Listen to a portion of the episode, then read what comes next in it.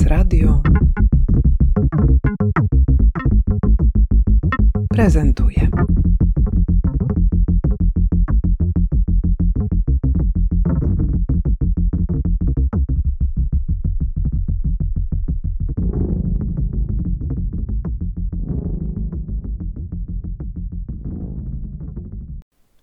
Synchronizacja. Jak działanie sztuką w przestrzeni publicznej zmienia miasto i jego mieszkańców. Część druga. Nowy format działania.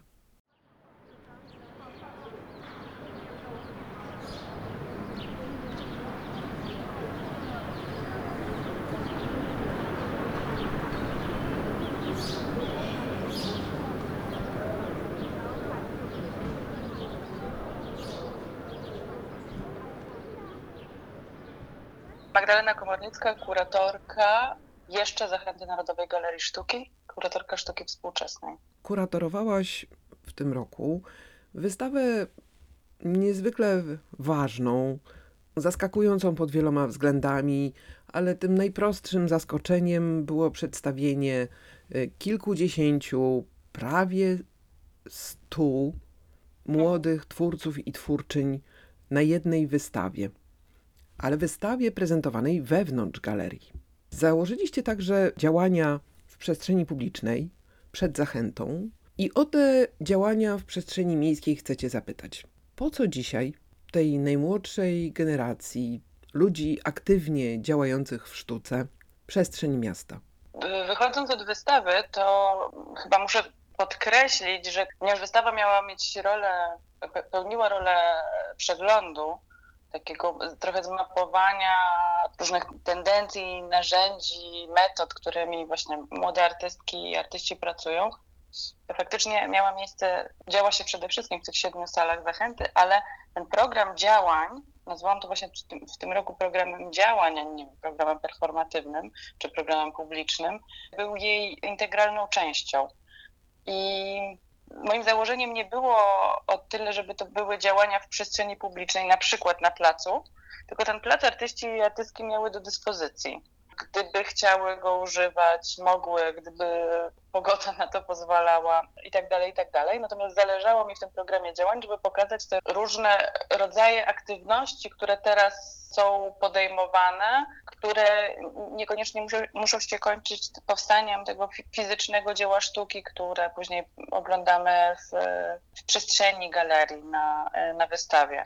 Zastanawiając się nad tym Twoim pytaniem, zadanym mi na szczęście chwilę wcześniej, więc mogłam sobie tydzień czy dwa pochodzić z odpowiedzią w głowie, poszukać tej odpowiedzi w głowie. I wiesz, że pierwszą myśl, jaką miałam, jak zadałaś mi to pytanie, że, że, że ta przestrzeń publiczna, miałam jakąś taką myśl, że, że ta przestrzeń nie jest potrzebna, jakby nie jest używana przez artystki i artystów tego młodego pokolenia, ponieważ jeszcze ciągle w głowie miałam jakieś takie stare schematy myślenia o tym, czym jest sztuka w przestrzeni publicznej prace, no takie już, już dzisiaj właśnie historyczne, ikoniczne, nie wiem, jak Palma e, Joanny Rajkowskiej, ale to jest nieprawda, że ta przestrzeń publiczna nie jest e, potrzebna, tylko jest trochę inaczej definiowana i jest używana w inny sposób. Tak mi się wydaje. Tak sobie myślę, że można dwoma tropami pójść. Jednym, myśląc o tych ostatnich latach, jest, no nie da się ukryć działalność aktywistyczna, czy też artywistyczna. To, trochę też zależy, jak, jak chcemy to nazywać przestrzeń publiczna wykorzystywana jednak jako przestrzeń takiego performance'u zaangażowanego, politycznego, pewnego statementu, manifestu, protestu.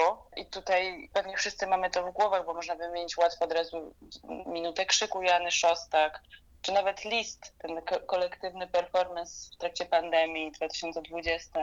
Z jednej strony działanie Archiwum Protestów Publicznych, ale też działanie na przykład Zakola, Wawerskiego, tej, tej grupy, która działa w Zakolu Wawerskim, czyli też takich działań na obrzeżach miasta raczej, skupionych na, na naturze i walce też o, o jej prawa w mieście.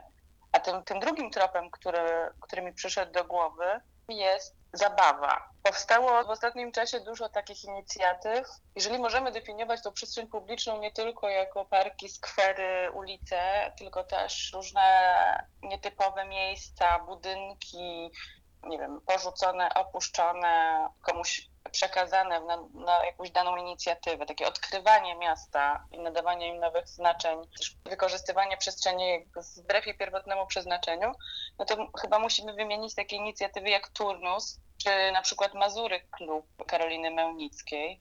Takie bardzo kolektywno-kuratorsko-artystyczno-towarzyskie przedsięwzięcia, które, które też czerpią z miasta i jego, i też znowu chyba bardziej jego obrzeży niż, niż centrum. A chociaż na przykład Turnus w tym momencie działa też na bazarze Różyckiego.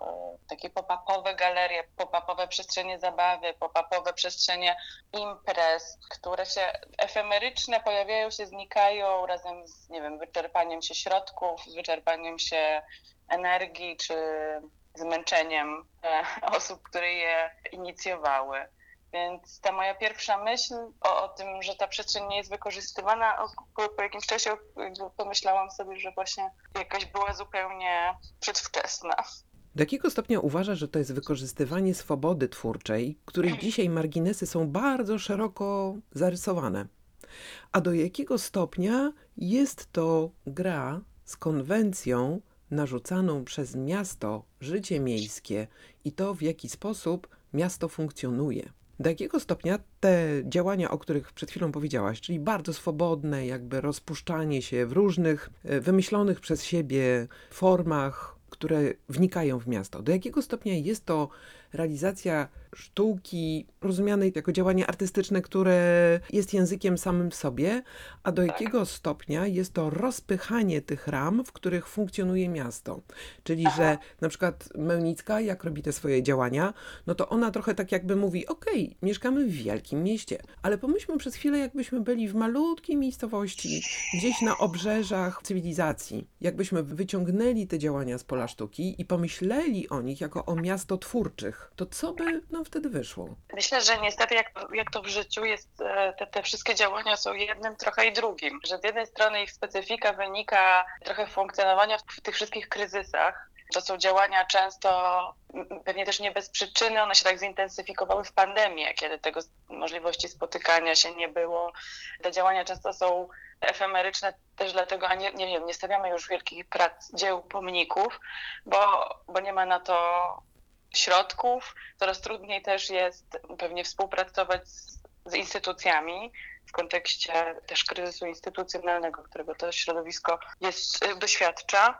Więc jakby z jednej strony to, są, to jest taka potrzeba wynikająca z, wynikająca z kontekstu, w którym, w którym jesteśmy jako środowisko sztuki, a z drugiej strony myślę, że jest w tym też miastotwórcza siła, bo te działania też pozwalają być może trochę inaczej po mieście się poruszać, trochę inaczej na nie spojrzeć i trochę inne miejsca uczynić chociażby, nie wiem, popularnymi. I no, czy też może, może to też pokazuje, jak te niektóre przestrzenie mogą być używane inaczej. To jest też w pewnym sensie to, co jak, jak sobie wyobrażam, dzieje się w ramach dyskusji w architekturze, w środowisku architektonicznym czym może być architektura przyszłości, czyli tym przetwarzaniem funkcji budynków, a nie, a nie budowaniem now, nowego, nowych. Zabawa z funkcją w ogóle. Więc nie wiem, czy to jest odpowiedź na Twoje pytanie, ale. Ale to jest y, taki kierunek, który jest szalenie ciekawy, dlatego że my badając to, w jaki sposób te realizacje z mhm. początku XXI wieku wpłynęły na miasto, taki jeden z podstawowych wniosków dotyczy tego, że sztuka w przestrzeni publicznej przede wszystkim wpływała na wyobraźnię, na wyobraźnię miejską, że stała się mhm. takim fundamentem nie tylko ruchów miejskich, ale także mm, pewnej swobody w dyskutowaniu tego, czym miasto jest. I mhm. stąd przejście z tego bardzo materialnego gestu, którym jest palma, tak, tak którym był dotleniacz, to była taka tak. ciężka materializacja, ingerencja w infrastrukturę. Teraz te działania, o których ty mówisz, które opisujesz i mam nadzieję, że jeszcze przejdziemy do tego, co działo się w ramach e, waszej wystawy mm, Niepokój przychodzi o zmierzchu przed gmachem zachęty, że to jest taki format działania, który pomimo zmieniających się sposobów działania artystów i artystek w przestrzeni publicznej pozostaje niezmienny. To znaczy, że sztuka rzeczywiście podbija mm, wyobrażenia o tym, czym to miasto mogłoby być. Do jakiego stopnia my możemy być wolni w takim wykorzystywaniu naszej też y, cielesności do tego, żeby zaznaczać inne niż dotychczas istniejące w nim potrzeby. I ty zrobiłaś dokładnie to samo gestem kuratorskim parę lat temu, otwierając drzwi zachęty, y, likwidując parking który był mm, bardzo tak ściśle dochodził do wejścia głównego zachęty. Powiedz proszę, teraz jak myślisz o tamtym swoim działaniu, to co ci się w nim wydaje najważniejsze? Bo zaingerowałaś bardzo mocno w to, jak Plac Małachowskiego funkcjonuje, jak może być używany i przez kogo. Tak, tak z perspektywy czasu dla mnie jest najciekawszym to, że absolutnie nikt sobie nie wyobraża powrotu do tamtej sytuacji i że to się wydarzy, wydarza bardzo szybko że to przekształcenie myślenia o przestrzeni, przestrzeni nie zachodzi w naszych głowach szybciej niż, niż mi się wydawało, że będzie zachodziło. Wydawało mi się, że będziemy co roku musiały o tę przestrzeń, o zamknięcie dla ruchu drogowego, samochodowego walczyć, zamknięcie Placu Małachowskiego, a, a okazało się, że jakby bardzo naturalnie ta sytuacja, którą sztucznie wytworzyłyśmy, stała się jakby docelową. Jakąś, w ciągu roku w zasadzie. To jest jakby dla mnie dosyć. Wydawało mi się, że miasto działa na, na długich czasowościach, operuje innymi terminami niż my.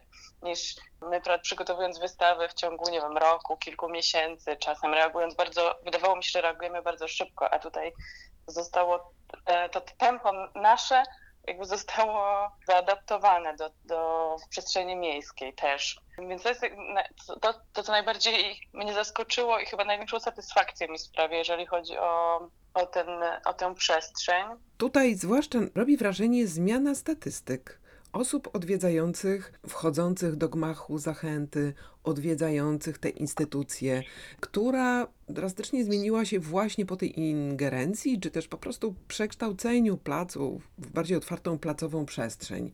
Mówisz o tym, że byłyście zaskoczone, ale czy te, też te, te liczby, które za tym idą, no czy one także pomogły Wam się ośmielić w tych różnych działaniach związanych z przestrzenią publiczną? Te liczby były związane, mówimy o roku 2018, kiedy to pierwszy raz zamknęłyśmy plac i wówczas na placu przez długi czas, chyba przez cztery miesiące działo się bardzo dużo różnych rzeczy. I wydaje mi się, że też ta zmiana frekwencji, która była faktycznie chyba dwukrotnie większa niż w roku poprzednim, latem, w tych samych miesiącach, była spowodowana jednak tym, że na tym placu się cały czas coś działo. I opieka nad tą, w pewnym sensie tą przestrzenią przed galerią, przestrzenią placu, mam poczucie, że, że musimy się cały czas zajmować, musimy się nią opiekować, musimy być cały czas tam gospodarkami, gospodarzyć w tej przestrzeni, żeby ona spełniała też taką funkcję, żeby osoby przechodzące, bo to jest, to już też wielokrotnie o tym rozmawiałyśmy, że jest to plac, był to plac transferowy przede wszystkim, więc te osoby przechodzące, idące gdzieś, chciały się zatrzymać i dowiedzieć y, się, co się dzieje w budynku.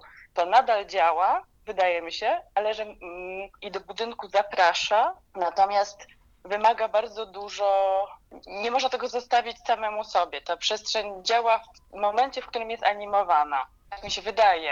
To widać bardzo dobrze z doświadczenia instytucji kultury i sztuki w całym kraju, mhm. które posiadają sąsiadujące tereny, a nawet otaczające je przestrzenie, które są ogólnodostępne, w których mhm. potencjalnie mogłoby się dziać bardzo dużo ciekawych zdarzeń, innych niż tylko na przykład ekspozycja plakatów dotyczących tak, tak, samego tak. programu, a jednak te przestrzenie nie są wykorzystywane, nie są widziane jako pewne przedłużenie zarówno sal wystawowych, jak i tak. przedłużenie sprawczości sztuki na miasto. Mhm, mhm. No tak, y, y, no to chyba trzeba po prostu spróbować, w sensie odważyć się to zrobić, bo ja za każdym razem, jak rozmawiam z kimś o Placu Małachowskiego, to mówię, że wydawało nam się, że wszystko tam się może nie udać, że to nie jest przestrzeń, która jest atrakcyjna, przyjazna, bezpieczna, nie wiem, myśląc na przykład o dzieciach. Dwie ulice dosyć ruchliwe, w sumie hałas, a okazało się, że ta przestrzeń działa, że ludzie się na niej zatrzymują, że ludzie chętnie spędzają tam czas, jedzą lunch, siedzą na leżakach, czy biorą udział w wydarzeniach. Ona się, ona bardzo dobrze zadziałała, więc mm, trochę nie da się tego inaczej sprawdzić niż y, robiąc. To taka, taka dosyć podstawowa zasada, że trzeba robić, żeby zrobić. Natomiast moja nauczka tych lat jest taka, że prawdopodobnie instytucje muszą troszeczkę zmienić myślenie o, że to nie jest coś, co właśnie otworzymy drzwi i będzie działało, że, że wymaga tej opieki, opieki kuratorskiej, ale nie tylko. Musi być uznane przez instytucje za część e, instytucji. I chyba to się u nas wydarzyło i dlatego to zaczęło działać w pewnym momencie, że to, tym placem Plac nie był projektem narzuconym przez miasto, plac nie był tylko moim projektem kuratorskim, tylko stał się częścią instytucji, bo bo nie wiem, bo zespół go zaakceptował, bo, bo my też na przykład nam jako pracownikom, pracowniczkom brakowało przestrzeni. My nie mamy na przykład w, w galerii, w biurach nie mamy wspólnej kuchni czy jadalni, więc to też zaczęliśmy używać sami placu e, na swoje potrzeby pracownicze. I może to też trochę na tej zasadzie zadziałało, że, że jak cała instytucja poczuła, że to jest kolejna przestrzeń, czy edukacyjna, czy wystawiennicza, czy pewnie różne działy, różne osoby inaczej ten plac traktują, bo pewnie komunikację to też traktuje właśnie jako przestrzeń budowania relacji z publicznością. Jakby jak wszyscy znaleźliśmy w tym tą swoją jakąś korzyść, czy też zaakceptowaliśmy tą przestrzeń, to może ona e, dzięki temu działa, tylko że ja też wykonałam pracę, żeby tak się stało, zapraszając osoby z zespołu na plac po prostu. No właśnie, myśmy robili takie badania pod nazwą Powiększenie. Badaliśmy to, w jaki sposób instytucje na Mazowszu, instytucje kultury i sztuki, w jaki sposób one postrzegają te otaczające ich tereny, w jaki sposób je wykorzystują, jak o nich myślą. I jedno z pytań ankiety, którą żeśmy przeprowadziły, bo robiliśmy to razem z Olą Litorowicz, było, czego pana, pani zdaniem brakuje, by w pełni wykorzystać potencjał tej przestrzeni. I odpowiedzi trochę nas nie zaskoczyły, a trochę zaskoczyły. Nie zaskoczyły, bo aż tak naprawdę duża większość, bo to było aż 83% odpowiedziało brak środków finansowych, czyli że nie ma pieniędzy na działania. Ale to, co nas bardziej zaskoczyło, to to, że aż 13% wskazało brak inicjatywy osób zarządzających instytucją, a 10% brak pomysłu. I do tego jeszcze 6% brak wiedzy i 3% brak umiejętności, 3% brak lidera. Czyli to wszystko, o czym mówisz, jest totalnie prawdą. Sama Aha. przestrzeń nie wystarczy. Jeszcze do tego potrzebny jest ten silnik, który jest ludzki. I teraz przejdźmy może do, do pytania o te wydarzenia, które miały miejsce w ramach Niepokój przychodzi o zmierzchu, bo tutaj to, co jest ciekawym wątkiem i co chciałabym, żeby, żeby wybrzmiało w tej rozmowie o tym, jak ta sztuka w przestrzeni publicznej obecnie się manifestuje, że to było, mm, takie miałam ja wrażenie trochę z oddali, że to było współkuratorowane przez ciebie i przez grupę zaproszonych artystek i artystów, że to była bardziej kolektywna praca niż taka zaprojektowana jednym gestem. Powiedz proszę, czy ja się mylę? Pytam o to dlatego, że kolektywność, wspólnota inny zupełnie model działania dzisiaj także wydaje się bardzo mocno charakteryzować sztukę. Tak, absolutnie widzisz to dobrze. Ja zaprosiłam przede wszystkim do, do współpracy przy, tym, przy tej części wystawy, która się miała dziać, a nie wisieć na ścianie. Zaprosiłam Weronikę Zalewską, artystkę wizualną, ale też aktywistkę, zajmującą się też w dużej mierze pisaniem.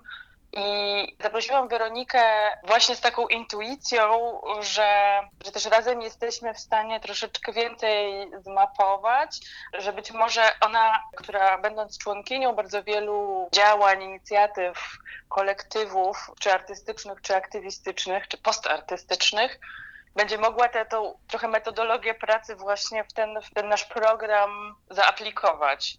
Więc jeżeli to tak było widzialne, czy też można było tego odczuć, to, to, to super, to się bardzo cieszę, bo, bo o to mi chodziło, żeby to było... Chciałam zastosować, w ogóle robiąc całą wystawę, chciałam zastosować te narzędzia, którymi artystki i artyści się posługują. E, zależało mi na tym, żeby ten program był luźny, żeby, żeby to też była przestrzeń. Już od, od, od wielu lat myślę o tym, że zależy mi przede wszystkim na tym, żeby budować przestrzeń, której się publiczność, wszystkie osoby dobrze czują, która jest przestrzenią bezpieczniejszą, która jest też taką, cały czas myślę, gdzieś tam ja pewnie z tyłu głowy, wyrastając z tej instytucji, to myślę też o tym, żeby tą instytucję cały czas otwierać, rozszczelniać, też pokazywać, że instytucja kultury może działać trochę inaczej, że to nie musi być premiera performance'u w mundurkach galowych, tylko że te rzeczy się mogą trochę takim natura, nie wiem, tak się wpisać w życie, naturalne życie instytucji. Trochę toczyć takim rytmem, w jakim publiczność zwiedza wystawę, jakim, jakim żyje czy tam tętni instytucja.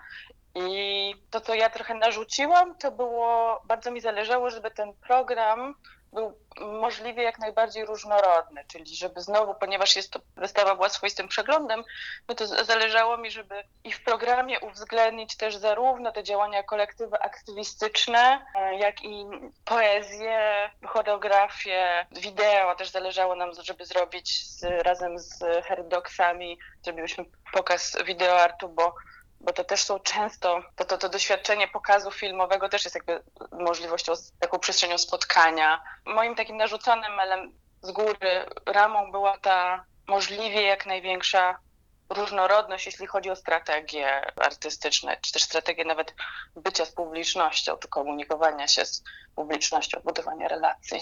W przestrzeni publicznej te projekty realizowane dzisiaj przez to najmłodsze pokolenie one są oczywiście siłą rzeczy w interakcji. Miasto jest takim bardzo bujnym otoczeniem, ale jednocześnie dość obojętnym. Nawet jeżeli tak. działanie zachodzi w, w, miejscu, które jest tłumne, które jest y, bardzo intensywnie wykorzystywane w takim spojrzeniu intensywności ruchu miejskiego, to odbiór sztuki wcale nie musi być tak intensywny, jak zakładałaby ta charakterystyka miejsca. Czy ten odbiór jest ważny, czy realizując pracę, to jest istotne, żeby ona wchodziła w bardzo intensywną interakcję z otoczeniem, czy też to zupełnie inaczej się kształtuje. Być może także przez istnienie mediów społecznościowych, które, tak jak zmieniły odbiór street artu, też zmieniają odbiór działań w przestrzeni publicznej. Performance może po prostu zostać zarejestrowany, a następnie upubliczniony w mediach społecznościowych i to robi robotę. Nie trzeba tam być. Wystarczy to później sobie odtwarzać. Powiedz Aha. proszę, z Twojego punktu widzenia, też osoby, która tak no, aktywnie jest zaangażowana w to, żeby mieszać te przestrzenie sztuki, jak to, jak o tym myślisz? Wydaje mi się, że od jakiegoś czasu troszeczkę przeceniamy te mm, możliwości dokumentowania i e, możliwości mediów społecznościowych, że wydaje mi się, to, to co ja odczułam, robiąc, pracując z artystkami i artystami w ostatnich latach przy programach performatywnych wydarzeń na placu, że jednak to, to doświadczenie i to bycie razem i budowanie wspólne tych przestrzeni jest dużo ważniejsze niż, że chodzi o obecność. Może to też jest też zmiana, zmiana pandemiczna, popandemiczna, że tego potrzebujemy, albo to może jakoś tak bardziej doceniliśmy, zauważyliśmy tego zalety, ale mam poczucie i chyba też to przepracowujemy, więc przepracowywaliśmy swojego czasu w instytucji jako zespół, że trochę zmieniają się te mierniki. Mówię mierniki, no bo instytucje im podlegają, mierniki sukcesu, że już te liczby, ta frekwencja nie jest przystająca do, do, do rzeczywistości, że zaczęliśmy doceniać i może uczyć się też to komunikować naszym organizatorom, że lepiej, że to jest jakby wartość jest zrobienia z posiadania na przykład zaangażowanej małej grupy. Więc w tym sensie ciągle ten, ten wybieranie tego efektu na, na otoczenie czy na, na publiczność ma znaczenie, tylko mam wrażenie, że zmieniła się skala, że, że już doceniamy to, że, że, że na przykład udało się zbudować małą społeczność, że osoby wracają na, na wydarzenie, że przychodzą, spędzają czas gdzieś, a nie liczymy i podajemy ile tysięcy osób było, zobaczyło wystawę, czy ile tysięcy osób, ile set osób było na premierze. Więc jakby mechanizm jest To jest jedna z najważniejszych teraz rozmów. W jaki sposób mierzyć skutek oddziaływania działań artystycznych w przestrzeni publicznej na procesy czy Tak. w ogóle zmiany zachodzące w mieście? I to jest bardzo istotna część tej dyskusji, i wcale się nie dziwię, że masz tutaj takie zawahanie, w jaki sposób mówić o tych działaniach językiem, który byłby odczytywany jako istotny przez tych, którzy na przykład miasto planują, czy Tak. przez tych, którzy są za, Rozpatrują wnioski grantowe. na przykład, czy też decydują właśnie o tym, jak dystrybuowane są środki publiczne, na jakiego rodzaju działania, co się, za, co się w związku z nimi stanie. Jakie będą skutki długofalowe, krótkofalowe? To są wszystko te pytania, które no nie mają prostej odpowiedzi, dlatego też zrobiliśmy ten nasz projekt badawczy, dlatego synchronizacja w tym roku tego dotyczy, żeby spróbować uchwycić, w jaki sposób można byłoby argumentować działania sztuki w przestrzeni miejskiej jako bardzo ważny element miastotwórczy. To ja mam, jestem taką e, osobą, że łatwiej mi jest, e, że prędzej czuję, niż umiem to powiedzieć czy nazwać.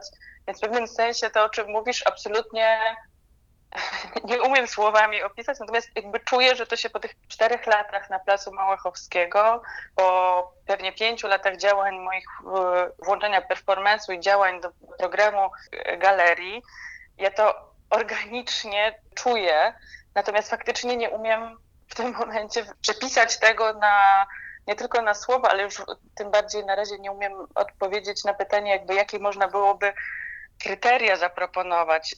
Może jakąś odpowiedzią wrzucę taką jedną rzecz, bo może ona będzie, to jest coś, o czym, o czym myślę, że, że to są procesy, które trochę trwają dłużej i w pewnym sensie ta cykliczność, jakby danie sobie pozwolenia na próbowanie pewnych rzeczy w dłuższej perspektywie niż pojedynczego działania, pozwala więcej e, zobaczyć. Na przykład tą publiczność zbudować. Może to jest też miarą mogłoby być. Przyszło mi do głowy program dla seniorów, który mamy w Zachęcie, który został zainicjowany przez panią Basię Dąbrowską pewnie 10 lat temu, jakoś tak naprawdę dawno. I na początku to było bardzo trudne, żeby te osoby zachęcić i zaprosić, a teraz to są jedna z najprężniejszych naszych, to, jest taka naprawdę silna grupa, społeczność, e, więzy towarzyskie, osoby, które się wręcz dopominają kolejnych wydarzeń, więc, więc chodzi mi o tego typu czas na pewien proces, którego też system grantowy na przykład nie daje. Jest takimi, jest takimi strzałami, które właśnie rozliczają nas wobec jakichś mierników, liczb, które zresztą każdy z nas liczy, każda z instytucji liczy inaczej. Wszyscy w tym też prawdopodobnie jakoś e, ściemniamy albo różnie interpretujemy rzeczywistość. A może taki perspektywa długofalowa byłaby jakimś też pod jedną z może możliwości do rozważenia? To postawmy kropkę z tym znakiem zapytania. Wydaje mi się, że Twoja perspektywa dodaje dużo ciekawych treści do tego ogólnego pytania, którym jest, jaką rolę w budowaniu miasta, w rozwoju miasta odgrywa sztuka współczesna. Dzięki. Dziękuję.